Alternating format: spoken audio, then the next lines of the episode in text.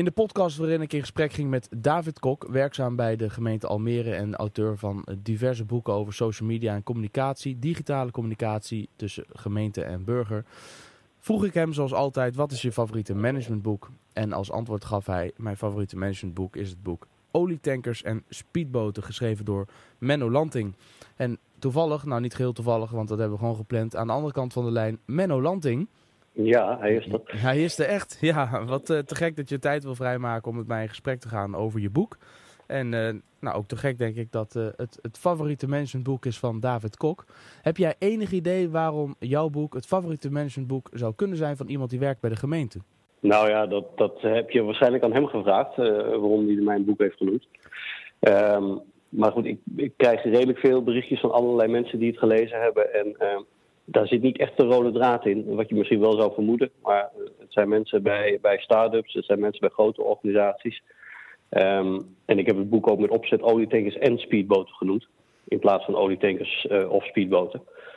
Uh, want volgens mij gaat het juist om de combinatie. Een olietanker zijn wanneer dat zinvol is en een speedboot zijn op de momenten dat dat de meest toegevoegde waarde heeft.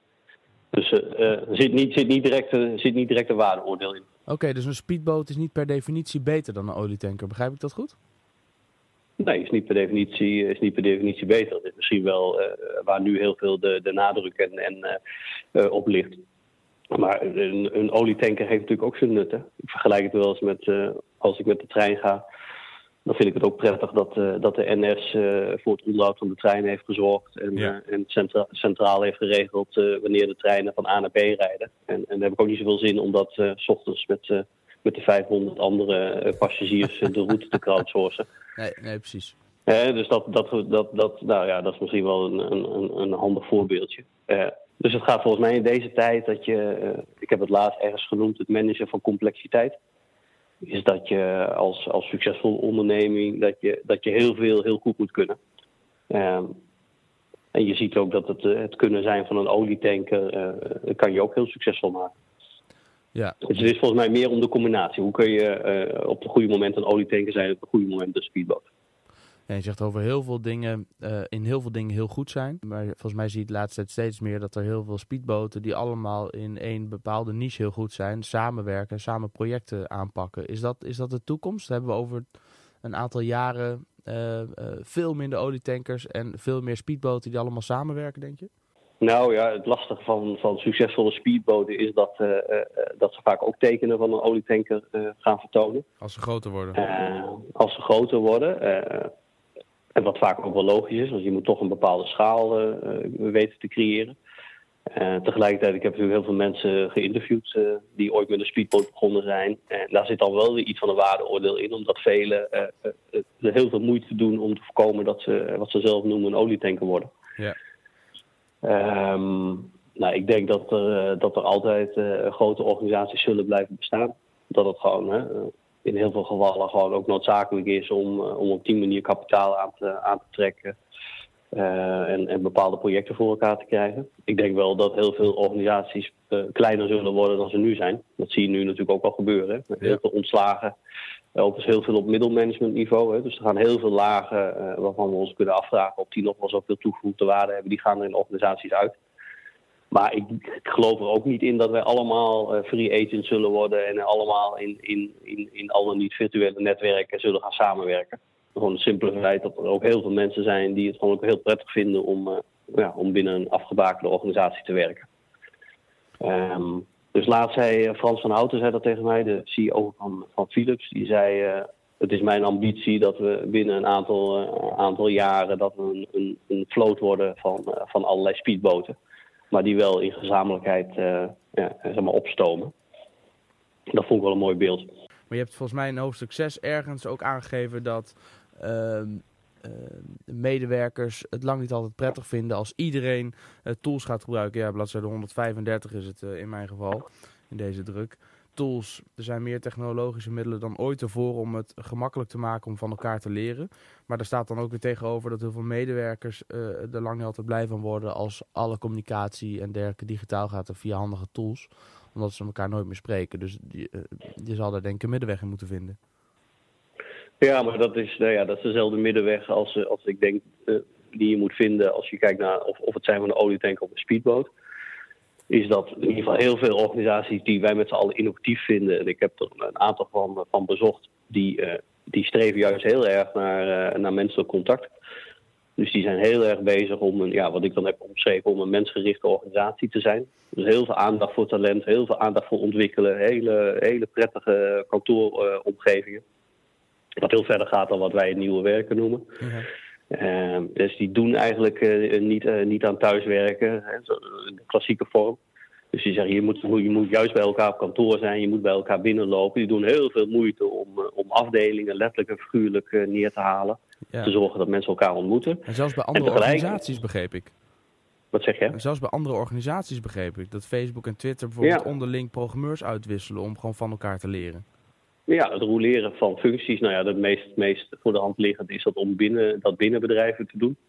dus veel minder vaste functieomschrijvingen, maar veel meer op basis van, van projecten. Voortdurend met uh, wisselende teams samenwerken. Um, en tegelijkertijd zijn dat wel organisaties die, waar het nodig is en waar het zinvol is, uh, enorm, enorm goed digitale middelen inzetten. Maar dan altijd wel en-en in plaats van of-of. En ik zie in, in, ieder geval in Nederland uh, heel veel wat meer traditionele organisaties die uh, ja, het menselijk contact vervangen door dig digitaal contact. Ja. en, en daar, daar dan in veel gevallen een soort nieuwe werkersausje overheen gooien. Uh, en wat, wat heel veel organisaties juist verder van huis brengt, omdat mensen dan uh, ja, toch net, net weer middelmatige uh, technologie krijgen, elkaars werk niet kunnen volgen, geen inzicht hebben in elkaars projecten en dan ook elkaar nog niet zien, omdat ze een groot gedeelte van de tijd thuis achter het bureau zitten of ergens anders. We gebruiken hier op kantoor bijvoorbeeld Google Hangouts heel, heel frequent. Ondertussen zitten we wel bij elkaar ook aan de lunchtafel en natuurlijk als er wel iets is, dan kun je ook naar elkaars bureau, maar soms is het ook gewoon wel heel handig. Dus is het niet vooral zaak om daar gewoon een goede mix in te vinden? Nou ja, in heel veel organisaties is het al een uitdaging omdat er gewoon eigenlijk niet goed over na is gedacht uh, uh, hoe, hoe, ze willen dat mensen met elkaar samenwerken. Er is er vaak ook niet heel erg goed nagedacht over hoe technologie daarbij kan helpen. Dus je ziet toch dat, dat ook technologie wordt vaak of van, van onderop of vanuit het middenniveau in de organisatie ingebracht. Ja. de klassieke voorbeelden dat er al, al een jaar lang of twee jaar ehm, eh, van Jammer gebruikt wordt door een gedeelte van de organisatie. En, en nou, ook een hele grote uh, gedeelte ervan, inclusief de directie, geen idee heeft dat dat bestaat en, en wat er allemaal gebeurt.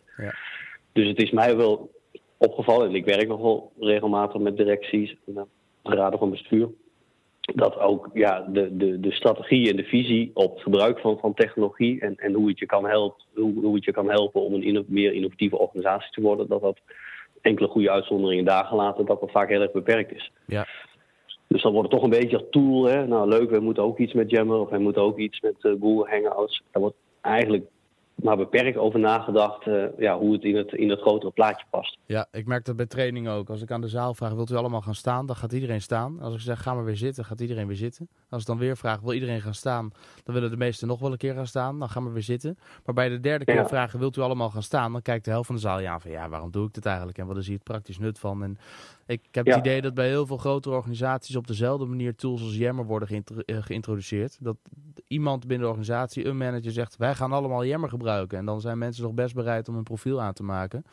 Maar om het dan ook daadwerkelijk te gaan gebruiken, dan zegt iedereen, ja, waarom doe ik dit eigenlijk? Wat heb ik eraan? En uh, ik, heb, uh, ik heb het druk genoeg. Aan de andere kant, hoe moet je dat dan doen? Begin met een focusgroepje of ja... Nou ja, ik denk dat je überhaupt moet beginnen van... Kijk, de, al, die, al die digitale uh, tools, dat zijn in, in mijn ogen alleen maar hulpmiddelen om een bepaald doel te bereiken. Dus het begint met, met welk doel wil je bereiken? Nou ja, dat, dat, dat zal vaak in de lijn liggen van wij willen, wij willen sneller uh, innoveren, wij willen dichter op de klant zitten, wij willen meer meebewegen met de markt. En dat soort dingen zie je natuurlijk nu bij heel veel organisaties. Nou, dan, dan is de vraag, ja, hoe kun je dat realiseren? Nou, dat zit natuurlijk altijd ergens een component in van ja, dan moeten we sneller kennis delen, moeten we beter contact hebben met die, met die klant of met elkaar. Ja, en dan is de volgende stap, ja, hoe kunnen we dat dan het beste organiseren? Hoe kunnen we dat het beste inrichten?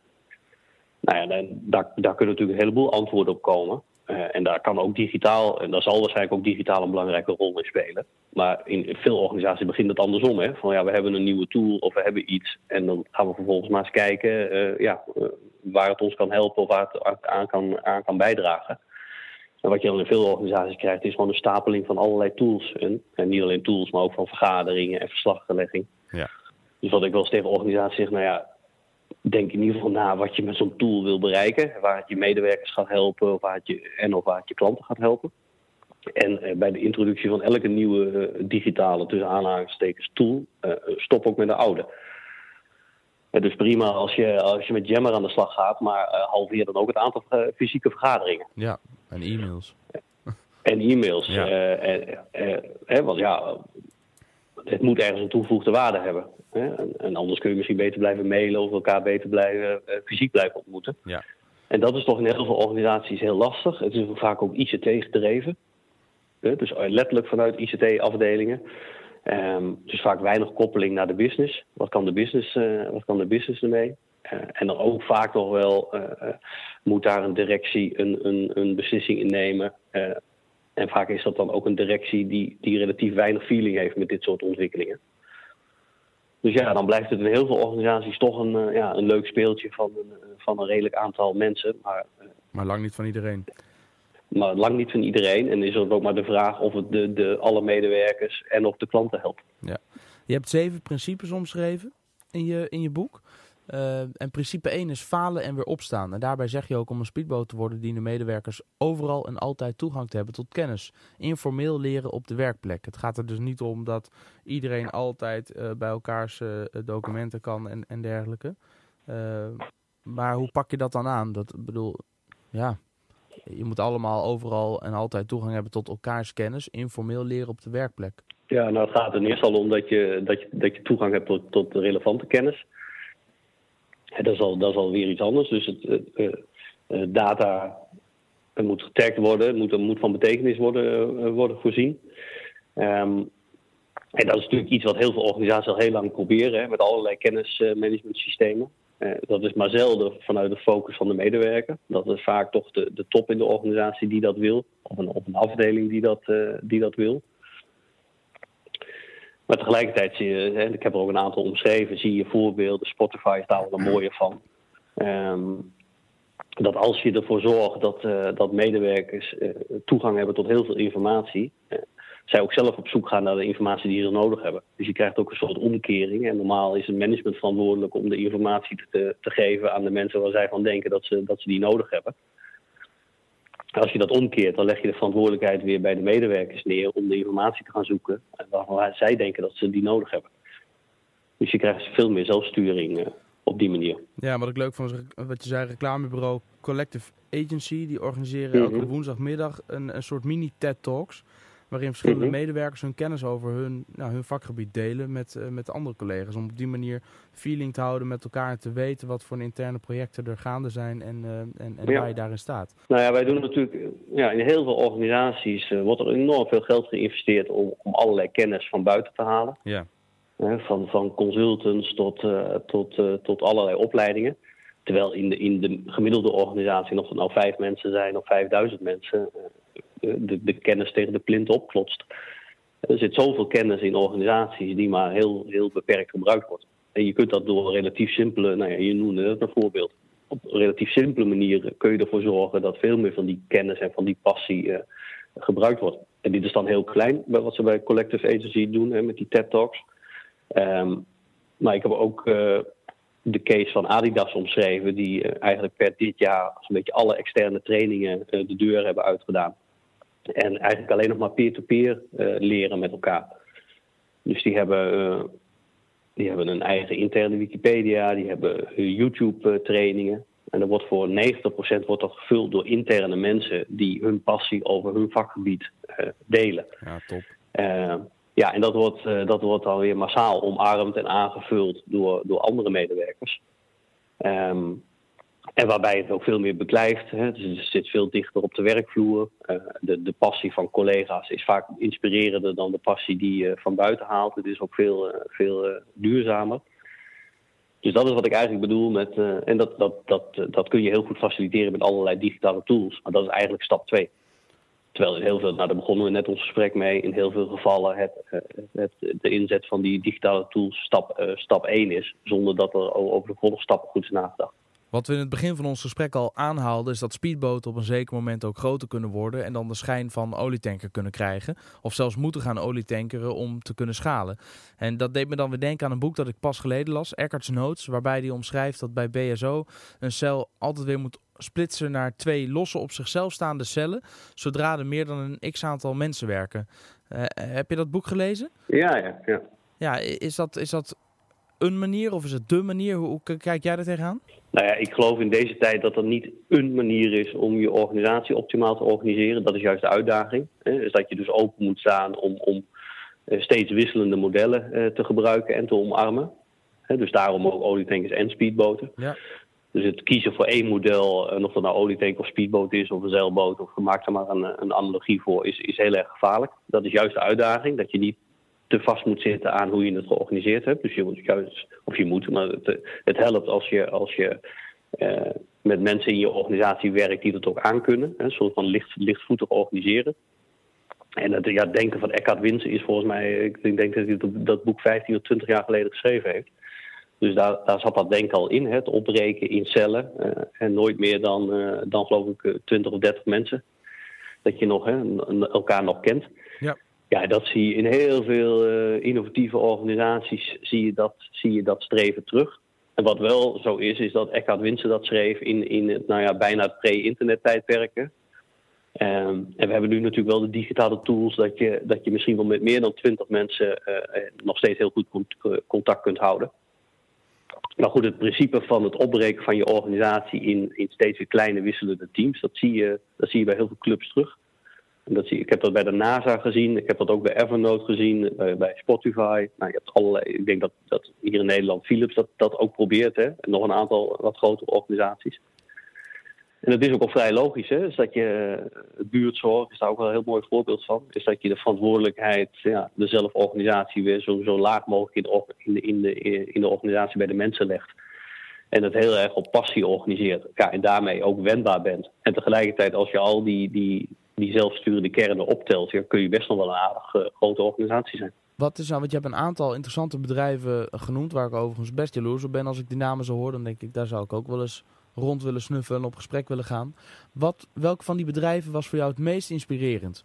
Nou, ik heb er in ieder geval van geleerd wat, wat alles wat wij misschien op afstand inspirerend vinden, als je daar wat langer rondloopt of een dag rondloopt, dan, dan is het ook weer een gewoon bedrijf zoals elk bedrijf. Dat weet je eigenlijk misschien ook wel, maar die hebben ook wel allemaal weer hun uitdagingen. Uh, er gaan ook dingen uh, volstrekt verkeerd. Dus dat heb ik er ook wel weer van geleerd. Dus ik geloof niet, wat ik net al zei, in een ideaal model gisteren was Apple de king en, en vandaag twijfelen, twijfelen velen of, of ze nog, nog recht van, van bestaan hebben. Dus zo snel kan het ook gaan. Um, wat mij het meest inspireert. Nou, wat mij wel het meest inspireert is, is de, de, om daar dan mensen te ontmoeten die volledig opgaan in hun passie. Uh, en je ziet toch heel veel onderzoeken, ook in Nederland, waar, waarbij ja, toch blijkt dat een heel groot gedeelte van de, van de, van de werknemers uh, ja, met, met een redelijke tegenzin naar zijn werk toe gaat. Niet het idee heeft dat hij of zij volledig zijn passie kan, kan inzetten. Hmm. En wat ik, ja, wat ik wel inspirerende organisaties uh, vind, is ja, die heel erg op dat passiestuk gaan zitten. Dus joh, wat, wat is nou jouw, wat, is jouw bijdrage? Wat is jouw passie? Hoe, kunnen wij jou faciliteren zodat jij het, beste van jezelf uh, hier kunt brengen? Nou ja, de individuele en eigenlijk dus ook het collectief daarmee. Dus ja, dat, uh, en, ja, dat zijn enerzijds hele mooie organisaties. Nou, ik vind, nou ja, Netflix is daar denk ik wel een voorbeeld van. Spotify vind ik wel een mooie. in Nederland vind ik Finext wel, wel een mooie. Nou, ik heb er een aantal. En die zijn heel erg, ja, wat ze noemen, talentgedreven. Ja, en die trekken daarmee natuurlijk ook heel erg weer ander talent aan. Hè? Want talent wil heel graag met ander talent samenwerken. Ja. Um, en dat vond ik wel mooi. De Phil, Phil Libin, dus de CEO van Evernote. Die zei, uh, ja, het enige waar, waar, het hier om draait is dat wij passie hebben voor, voor de producten die we maken. dus we, we, we, de, de, de verlaten hier niks het, uh, het pand waar we niet zelf gepassioneerd over zijn.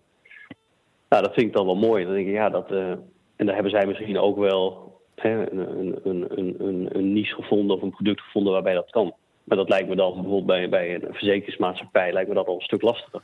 Als je daar uh, op, een, op, een, op een deelgebied uh, uh, marketingmanager of een andere functie hebt, ja, hoeveel passie kun je dan opbrengen voor hetgeen je maakt? Nou, en ik denk dat dat wel iets is wat ook consumenten uh, wel ervaren. Is dat we steeds meer zaken willen doen met, met merken die, die ook door passie gedreven worden. En, en daarmee ook, ook, ook kwaliteit afleveren. Oké, en het is dan jouw passie om al die vergaarde kennis over te dragen aan ons via je managementboeken? Nou ja, managementboeken zijn daar één, één dingetje in. Hè. Dus ik zit, ik zit helemaal niet vast aan, aan de vorm. Uh, en of dat nou e-boeken zijn, of, of een app is, of, uh, of een fysiek boek. Uh, nou ja, ik probeer te doen wat ik leuk vind. En als andere mensen dat ook waarderen en leuk vinden, dan, ja, dan is dat natuurlijk hartstikke, hartstikke mooi meegenomen. Nou, volgens mij is dat wel gelukt. Want is dat het eerste boek wat je hebt geschreven, Connect? Ja, Connect was het eerste boek. Dat is alweer, alweer dik vijf jaar geleden. Dik ja. vijf jaar geleden, maar de boeken die ik van je ken en heb zijn Connect. Ehm, ja, in mijn geval Jelle CEO, want er is een andere wikkel omheen. Maar iedereen CEO.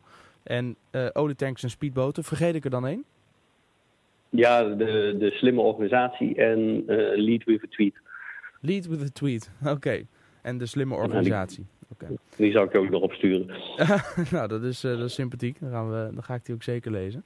Dezelfde vraag die ik iedereen in elke podcast stel. Wat is nou jouw favoriete managementboek en waarom? Nou ja, Eckhart Winsen is er daar wel eentje van. Aha, ik, ik, ik merk wel dat ik, ik merk wel dat ik vaak naar, naar de meer de klassiekers teruggrijp. Ja. Ik vind, uh, ja, ik vind toch echt uh, een boek wat mij al, altijd geïnspireerd heeft en nog steeds doet, is uh, Blue Ocean Strategy. Ja. ja. Dat is ook een klassieker. En ik vind ook, ik zie direct een beetje in mijn, in mijn boekenkast. Ik heb ook nog een, afgezien van een, een boordevolle iPad, ook gewoon nog een kast staan waar alle boeken in staan die mij inspireren. Ik vind uh, Rework vind ik ook wel een hele mooie van Jason Fried. Die ken ik niet. Ja, dat is ook echt een, een, een aanrader. Oké. Okay. Nou, dat zijn denk ik wel uh, Rework. de boeken die... Hmm. Ja, Rework. Die is nu ook nog niet eerder genoemd. Ik, ik moet eerlijk zeggen, ik ken hem niet. Blue Ocean Strategy ken ik wel. Dat is van uh, Chen Kim en René Mooborn, geloof ik hè? Ja, hartstikke ja. goed. Ja. ja. Maar Rework ga ik ook zeker even opschrijven. En dan is uh, nog één vraag die ik ook of eigenlijk heb ik er twee die ik nog regelmatig stel. Eén is, wat is je favoriete quote? He, want je boek Olietanks en Speedboten staat er helemaal vol met quotes, ook links en rechts in de kantlijn. Maar is er eentje waarvan je zegt, nou dat vind ik wel, dat is wel echt mijn favoriet. En waarom? Uh, nou, dat is volgens mij een, het is wel een bekende. Ik ben niet Chinees gezegd, geloof ik. Hè. In, uh, in tijden van, uh, van, van storm zijn er mensen die, die dijken bouwen, maar er zijn er ook mensen die, uh, die windmolens bouwen. Oh ja. Ja. En ik heb daar voor mezelf als bijna, volgens mij moet je allebei doen. Je moet dijken bouwen en vervolgens op die dijken windmolens zetten. Maar goed, dat is mijn eigen aanvulling. Mijn laatste vraag. Uh, ik knal hem er gewoon in. Ben je nou de afgelopen jaren als ondernemer wel eens op je bek gegaan? En heb je daarbij een fout gemaakt waar je op terugkijkt en denkt... ja oké, okay, dat was toen niet handig, maar ik heb er wel van geleerd. En zou je die waardevolle les met ons willen delen... om de ondernemers die luisteren te behoeden om dezelfde fouten te maken? Oh, nou ja, ik, ik, uh, ik probeer te doen wat ik ook anderen aan, aanraad. Dus dat is veelvuldig falen. Ja, het staat ook in je boek uh, als, als, als ja. tip. Hè, durf te falen. Durf te falen. Ja, nou, ik, ik heb altijd wel het principe van probeer net, altijd net iets verder te reiken dan, dan de keer ervoor. Dus probeer jezelf uit te dagen. Ja. Um, en de les die ik geleerd heb is dat... Um, nou, in ieder geval in mijn geval dat als mijn intuïtie zegt dat ik iets wel of niet moet doen, dat dat vaak wel, uh, uh, dat dat vaak wel klopt. Oké, okay. je hebt het een keer en ik ook wel eens, uh, Ja, ik heb ook wel eens dingen gedaan dat ik dacht, dat ik dacht, nou dat voelt eigenlijk niet lekker of dat moet ik niet doen of deze klus moet ik niet aannemen en dat ik dat dan toch deed. En dat waren dan in veel gevallen ook niet mijn meest succesvolle klussen of optredens. Heel herkenbaar. Dus de, de, les is dat, de les is dat ook nee zeggen uh, buitengewoon waardevol kan zijn. En dat mensen dat in veel gevallen ook wel waarderen. Als je zegt, ja, maar dan kun je beter die en die bellen. Want ja, ja. weet je wel, die, die kan dat beter dan ik dat kan. Menno, ik ben ontzettend blij dat je kort met mij wilde praten over het boek Olietankers en Speedboten. Uh, mensen die zitten te luisteren en denken, interessant, hier wil ik meer over weten. Kunnen die jou benaderen? En wat is dan de beste manier? Twitter bijvoorbeeld, Menno Lanting? Uh, uh, Twitter, dat is M Lanting, Lanting met een G op het eind. En anders uh, mennolanting.gmail.com. En als ze de boeken leuk vinden, dan zijn die onder andere bij Managementboek en bij Bol te verkrijgen. Yes, ik zal zorgen dat er in de omschrijving linkjes komen te staan waar mensen eventueel kunnen doorklikken naar zowel bol.com als Managementboek. Nou, hartstikke leuk joh. Ik zie er naar uit. Dankjewel en uh, okay, fijne dag. Dankjewel, jongen. Hoi, hoi. hoi, hoi. hoi.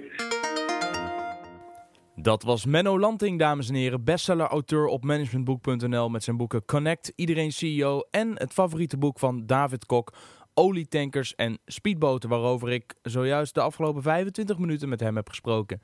Wil je weten waarom David, werkzaam bij de gemeente Almere, dit als favoriete boek noemde? Luister dan naar Frank Watching Podcast 007. Dat kan via iTunes, Stitcher Radio en via diverse andere kanalen, maar ook op frankwatching.com slash podcast. Heb je nog vragen aan Menno? Benader hem dan via Twitter op mlanting, oftewel mlanting, of via Gmail op mennolanting.gmail.com. En zet mij alsjeblieft even in de cc als je dat op Twitter doet met podcast of Jelle Drijver. Ook ik ben natuurlijk benieuwd naar jouw vragen aan Menno naar aanleiding van deze podcast. Heb je andere vragen, niet aan Menno maar aan ons? Laat het dan weten via Drijver en of Frankwatching. Abonneer je dan ook meteen even op iTunes om stevast de nieuwste Frankwatching podcast klaar te hebben staan zodra deze beschikbaar is. En je doet mij een groot plezier als je even een review achterlaat op iTunes. Zo'n groot plezier zelfs dat we steeds bij 10 reviews een boek verloten van Martijn Arets. Kans van 1 op 10, dus dat lijkt me de moeite waard. Dit was hem voor nu. Tot de volgende podcast.